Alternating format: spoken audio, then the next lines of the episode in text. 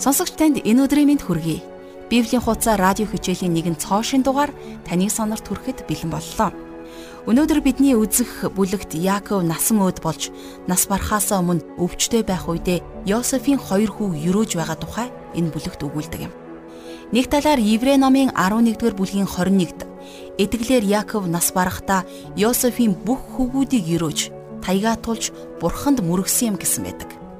Түүнчлэн энэ бүлгээс бид Яаковын сүнслэг өсөлтийн өөр нэгэн баталгааг үзэх болно. Тэр урт удаан амьдралыг туулж өндөр насалсан.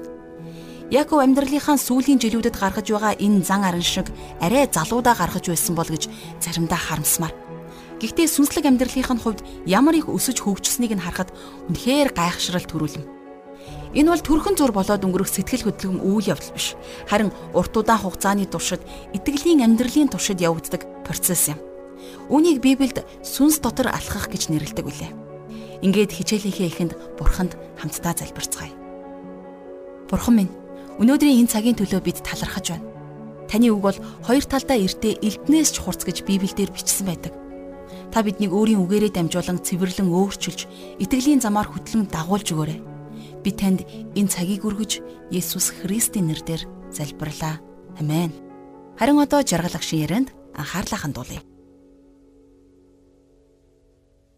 За тийм ээ. Тэгэхээр бид нэр Эхлэл номынхон төгсгөл рүү ойртож байгаа. За ингээд өнөөдөр бүгдээрээ хамтдаа Эхлэл номын 48 дугаар бүлгийг үздэцгээе. За эхлээд 48 дугаар бүлгийн 1-ээс 3 дугаар ишлэгийг уншийе. Түүнээс хойно нэгэн хүн Йосефт эцэгт нь өвчтөй байна гэж хэлсэнд тэрээр Манас Ифраим хоёр хүүгээ аваад очив. Таны хүү Йосеф тань дээр хурж ирлээ гэж нэг нь Яаковт хэлэхэд Израиль бүх хүчээ гарган орон дээрээ үндийж суув. Яаков Йосефт хандаж төгс хүчит бурхан Канаан нутгийн Лузд надад үзэгдэж ерөөсөн билээ. За тэгэхээр өндөр настай Яаковын сэтгэл ямар их хөдөлсөнийг та төсөөлж байна уу? Тэрний хайртай хүү Йосеф нь хоёр хүүтэйгээ хамт тэрнтэй уулзахаар ирсэн байна. За Йосефийг нас барсан гэж бодож байсан болохоор тэр тэрнтэй дахиж уулзнаа гэж зүудэлж байгааг. Гэтэл Йосеф нь амьд мэд. За тэгээд ч бүр Египтэд өндөр алба хашихуулж гэр бүлийнхнээ энд авчирсан. Яаков Египтэд ирснээс хойш 17 жил өнгөрчээ. Тэрээр одоо нас өндөр болж үхлийн ирмэг дээр тулан өвчтөй байсан боловч за бүх хүчээ гарган орон дээрээ үндийн сууж байна. Тэгэхээр тэрээр анх Луз гэдэг газарт өөрт нь үзэгдэж түүнийг юрөөсөн бурхан эзнийг иргэн дурсаж за тэгээд Йосефт хандан төгс хүчит бурхан Канаан нутгийн Лузд надад үзэгдэж юрөөсөн билээ гэж хэлж байна. Тэр цагаас хойш олон жил өнгөрсөн. За бид нар одоо Яаковын итгэлийг за тэгээд бурханд итгэж найдаж байгааг нь харж байна. Тэр өөр өөрө бардамнаж сайрхаагүй. Залуудаа тэрээр ухаалаг заавмаар байгаа бүхнээ авч чаддаг хүн байлаа. За сансан бүхнээ авахын тулд тэрээр ямар ч арга чарга хэрэглэхээс буцдаггүй байсан. Харин одоо бол тэрээр өнгөрсөн амьдралаа эргэн харахтаа Кананаас явж байхад нь ч за бас эргэж ирж байхад нь ч гэсэн битээлд үзэгдсэн бурхныгаа эргэн тусаж байна. Тэрээр бурхан тэнд надад үзэгдэж намайг өрөөсөн гэж хэлж байгаа. За бид нар одоо Яаковын итгэлийг харах гэж байна. За дөрөвдүгээр ишлээс харъя. Тэрээр надад би чамайг өнөр өтгөн болгож үржүүлнэ. Би чамаас олон үндэстэн бий болгож энэ газрыг чиний үр хүүхдүүдэд үрдийн өмч болгон өгнө гэж хэлсэн гэсэн байна. За тэгэхээр Яаковын энд хэлж байгаа бурхны амлалтыг бүгдээрээ авч үзцгээе. За энэ амлалт бол хуучин болон шин гэрээнд хоёуланд нь гардаг. Бурхан Авраам, Исаак, Яаков нарт энэ амлалтыг өгсөн. За энэ гэрээнд гурван зүйлийг онцлон дурдсан байдаг. За эдгээрт нэгдүгüрт нь үндэстэн, за хоёрдугаарт нь газар нутаг, за тэгээд гуравдугаарт нь ерөөл. Тэгэхээр Яаков энээс хоёрыг нь энд чухалчлан хэлж байна. Нэгдүгüрт нь би чамайг өнөр өтгөн болгож үржүүлнэ. Би чамаас олон үндэстэн бий болгоно. За хоёрдугаарт нь болохоор энэ газрыг чиний үр хүүхдүүдэд үүрдийн өмч болгон өгнө. Харин газар дэлхийн бүх үндэстэн чамаар дамжуулан өрөөгдөх болно гэсэн гэрээний 3 дахь хэсэг нь та бидний хувьд бол маш их чухал байдаг юм. За Монгол үндэстэн ч гэсэн Яаковын үр удам болох Есүс Христээр дамжуулан за өрөөгдсөн гэдэгт би итгэдэг. Тэгэхээр энэ амлалт бол бидний хувьд маш чухал амлалт байгаа юм. За 5-аас 6 дугаар ишлэгийг харъя. Намайг Египтэд чам дээр очихын өмнө Египтэд чамд төрсэн Ифраим, Манасе хоёр хүү чинь минийх. Рубен, Симеон хоёр шиг минийх болно. Тэдний дараа чамаас төрсэн хүүхдүүд нь чинийх болно. Тэд ах нарынхаа нэрийн дор тэдний өвийг өвлөх болно. За тэгвэл Яаковын энэ хэлж байгаа хоёр ач нь буюу за Йосефийн хоёр хүү бол тус бүрдээ нэг нэг овгийг үүсгэсэн байдаг. За тэгвэл Яаков 12 хүүтэй байсан юм чинь Йосефийн хоёр хүү тус бүрдээ овог үүсгэхээр нийт 13 овг болох юм биш үү гэж зарим хүн хэлж болох юм. Тэгэхээр Йосеф гэдэг овг бол байдаггүй. Харин Ифраим, Манассе гэдэг овг байдаг. За ингээд тооцоолоод үзэх юм бол 13 овг болж байна. А гэтэл Библиэд 12 овг л тоологдсон байдаг. А үнэн дээр Леви гэдэг нэртэй овгийнхан бол овг гэж тооцогддоггүй. За тэд нар бол тахилчдын овг За тэгээд ч тэдэнд тусгайлан газар нутаг олгогдоогүй. Харин тахилчдын хувьд бол бусад овгуудаараа тархан сорьсон байдаг байж. Тэгэхээр тэд нарыг овг гэж тооцолгүйгээр хасах юм бол 12 овг үлдэж байна. За ингэж тооцох нь танд хачин санагдаж магадгүй. А гэвч бурхны үгэнд яг ингэж бичсэн байдаг. За бурхан ийм байлгахыг хүсэж тэгээд ийм арга замаар хийсэн юм.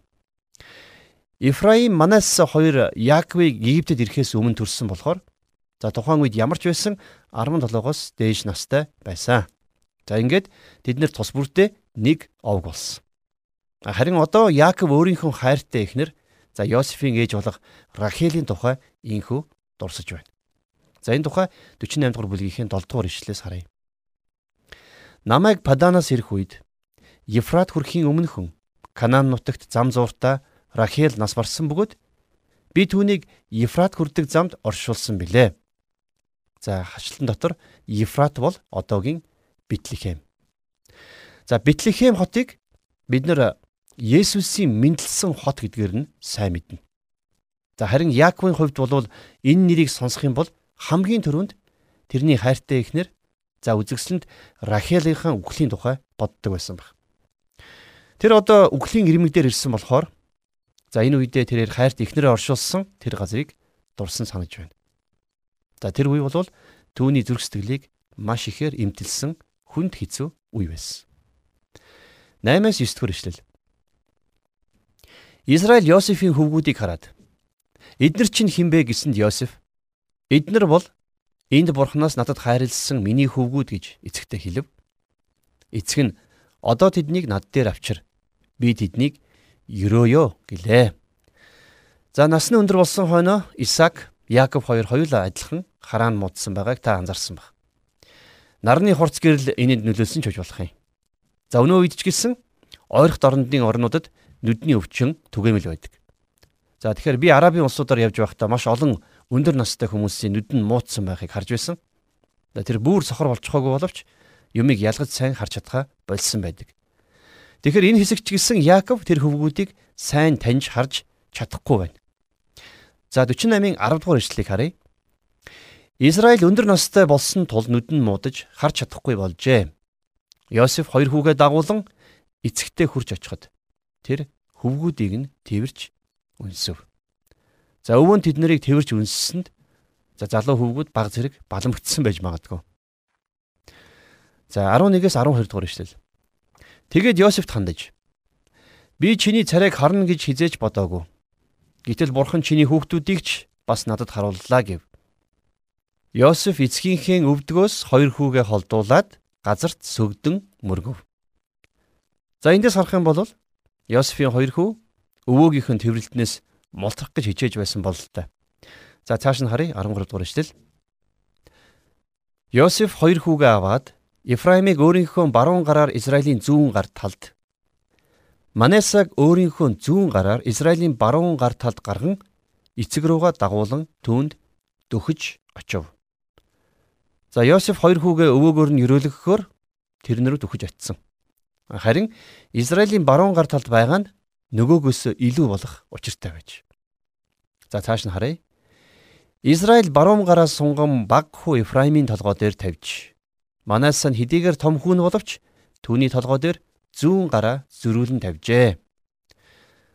За баг хүү Ефраим нь Манасагийнхаа удирдгч нь болсон. За хожим Библийн тооллого номыг харах юм бол Цөлөөр явж байхдаа Манассе овог Ефраим овгийн араас жагсаж явдаг байсан. За Йошуач гэсэн өөрөө Ефраим овгийн хүн байж. За энэ овгоос хожим нь олон агуу өдөрдөгчд гарсан байдаг. Тэгэхээр энэ овг яагаад ингэж тэргүүлэх болсон нь энд тодорхой харагдаж байна. За энд яг юу болж байгааг та олж харсан уу? Яаков хэдийгээр сайн харж чадахгүй байсан ч гэсэн Йосефийн юу хийж байгааг мэдэж байна. Йосеф ууган хүүгээ Яаковын баруун гар талд. За баг хүүгээ зүүн гар талд нь зогсоосон.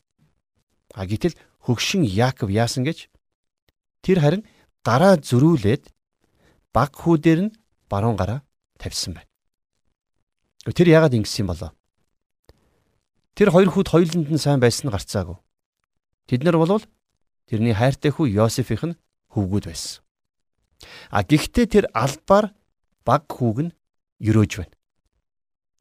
За магадгүй өөрөө баг надлаа ерөөлийг авсан болохоор ингэсэн ч гэж болох юм. А гэхдээ тийхүү тэр ерөөлөө бас баг хүүд нь шилжүүлж өгсөн. За энэ бол Библийн туш гардаг нэгэн сонирхолтой зарчим баг юм. За жишээлх юм бол Давидын сонголт байна.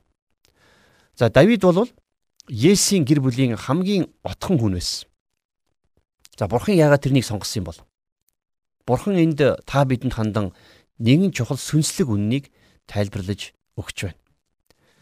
За бурхан хинэн ихэлж төрснийг чухалчилдаггүй. За энэ бол зүгээр л бие махбодын төрөлд. За тэр үнийг хүлээж авдаггүй юм. А тиймээс шин төрөлд зайлшгүй хэрэгтэй. За тийм ч болохоор бурхан бидний ёс заншлын дагуу байдаггүй. За ууган хүл гэр бүлийнхээ өмнө хариуцлага хүлээх ёстой гэж бид нар үздэг. А гэтэл бурхан зөвхөн ууган хүүгэл сонгодог юм биш. За өөрөөр хэлэх юм бол тэр биднийг төрлөх чадвараас нь болж сонгодгүй юм. За өнөө үед ч гэсэн бид нар энэ үннийг сурах маш их шаардлагатай байгаа. За намайг бити буруугаар ойлгоорой. Бурхан бидний авьяас чадварыг ашиглаж чадна. А гэхдээ бид нар үүнийгээ түүнд өргөж түүнд зориулсан байх хэрэгтэй байдаг юм. Авьяас чадвар дангаараа сэргэлтийг авчирдаг байсан бол Улаанбаатар хотод олон жилийн өмнө энэ сэргэлт аль хэдийнэ болчихсон байх байсан. Тэгэхээр бидний эргэн тойронд маш олон авьяаслаг итгэгч нар байна. А гэтэл бидэнд сэргэлт алга. Яагаад? Яагаад гэвэл энэ авьяас чадвараа бурханд өргөөгүйгээс болоод. За тийм ч учраас түүнд ашиглахдахын тулд бид нэр түүнд бүхлээрээ бууж өгөх ёстой байдаг юм.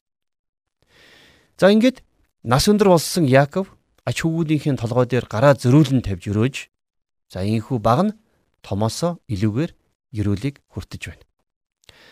15 дугаар ишлэгийг уншийе. Тэрээр Йосефийг өрөөгөөд миний өвөг эцэг Авраам төрсөн эцэг Исаак хоёртой алхаж байсан бурхан бүхий л амьдралын минь турш өнөөдрийг хүртэл асран титгсэн бурхан. За энд төр зогсъё. За бүхий л амьдралын минь турш өнөөдрийг хүртэл асран титгсэн бурхан. За энэ үг бол Яаковыг итгэлийн амьдралдаа сүнслэг тэр оргилдоо хүрснийг нь батлан харуулж байна. За цааш нь 16 дугаар ишлээс Намайг илдэв гай зовлонгоос ангижруулсан Тэнгэр илч. Энэ хүүхдүүдийг өрөөж тэд миний нэрээр болон миний өвөг эцэг Авраам бас төрсөн эцэг Исаакийн маань нэрээр дуудулж газар дэлхий дээр өнөр өтгөн болгох болтугай гэвэ гэсэн байна. За намайг элдв гай зовлонгоос ангижруулсан Тэнгэр илч гэсэн байна. За өөрөөр хэлэх юм бол гайхамшигтай аврагчаас өөр сайрхаж бардах зүйл түүнд байгаагүй. За тийхүү тэд нар тэрний хэлсэнчлэн газар дэлхий дээр өнөр өтгөн болж өссөн юм. За цааш нь харъя. Эцэг нь баруун гараа Ефраимийн толгой дээр тавьсныг Йосеф хараад сэтгэлд нь нийцээгүй тул эцгийнхээ баруун гарыг Ефраимийн толгой дээрээс авч Манасигийн толгой дээр тавих гэв. Тэгээд эцэгтэй хандаж энэ бишээ аава. Энэ нь ууган хүү. Та баруун гараа түүний толгой дээр тавина уу гэсэнд. За Яаков энэний хариуд юу хийснийг бүгдээр харцгаая. 19 дугаар ишлэгийг харъя. Эцэг нь татгалзаж би мэдэж байна хүмүн би мэдэж байна. Тэр бас нэгэн овог болж агуу их болно. Харин дүүн түүнээс ч илүү агуу их болж үр удам нь олон үндэстэн болно гэж хэлвэ. За үр удам нь олон үндэстэн болно гэсэн энэ юрөөл бол маш чухал юрөөл байгаа юм. За Йосеф ч гэсэн тэрний энэ шийдвэрийг хүлээж авсан нь тэр байсан. Ягд гэвэл тэр өөрөө ч гэсэн ууган хүү биш байсан. Тэрээр олон ах нартай байсан боловч за энэ юрөөл тэрний хөвгүүдэд өгөгдөж байгаа. 20-с 21 дугаар ишлэл. Тэгээд тэр өдөртөө тэднийг өрөөгөөд Израильчууд та нарын нэрийг барьж Бурхан та нарыг Ифраим шиг Манасе шиг болгох болтугай. Химэн өрөөх болно. Израиль Йосефт хандаж үхэх цаг минь боллоо. Харин Бурхан та нартай хамт байж та нарыг өвөг дээдсийн тэн газар руу буцаах болноо. За Яаковын Бурханд итгэх итгэлийг сайтар ажиглаарай. 22 дугаар ишлээс За би чамд ах нарт чинь өгснөөсөө нэг хувь илүү өгнө. Үүнийг би Аморчуудаас илд нумаараа булаан авсан юм а гэв. За ийхүү Йосеф хоёр хүүгүүнээрээ дамжуулан бусад ах トゥ нараас илүү агуу их өвийг хүртсэн байдаг. За энэ нь Яаковын хүү Йосефтэй өгсөн хувийн бэлгэн байсан бололтой. Энэ бол Сухар гэдэг газрын ойролцоох тийм нутаг байсан. За тэгээ хожим нь Йосефийг тэнд нутаглуулсан. За үнэн дээр Йосефоос хоёр овог гарсан болохоор хоёр дахин их газар нутаг өвлөх болсон юм. Энэ газар нь Аморчуудаас анх худалдаж авсан бол за дараа нь дахин хүчээр булааж авсан нутгийнх нь нэгийнхэн хэсэг байсан. Яаков найрсаг сэтгэлийн илэрхийлэл болгож энийг буцааж өгсөн байна. Харин дараа нь тэрээр энэ газрыг хүчээр булааж авсан. За энэ бүс нутаг одоо ч гэсэн маргаантай хэвээрээ байдаг. За өнөөдрийн Израильчууд яг энэ газрыг буюу за Йордны баруун эргийг өөрсдийн болгохыг хүсдэг байна.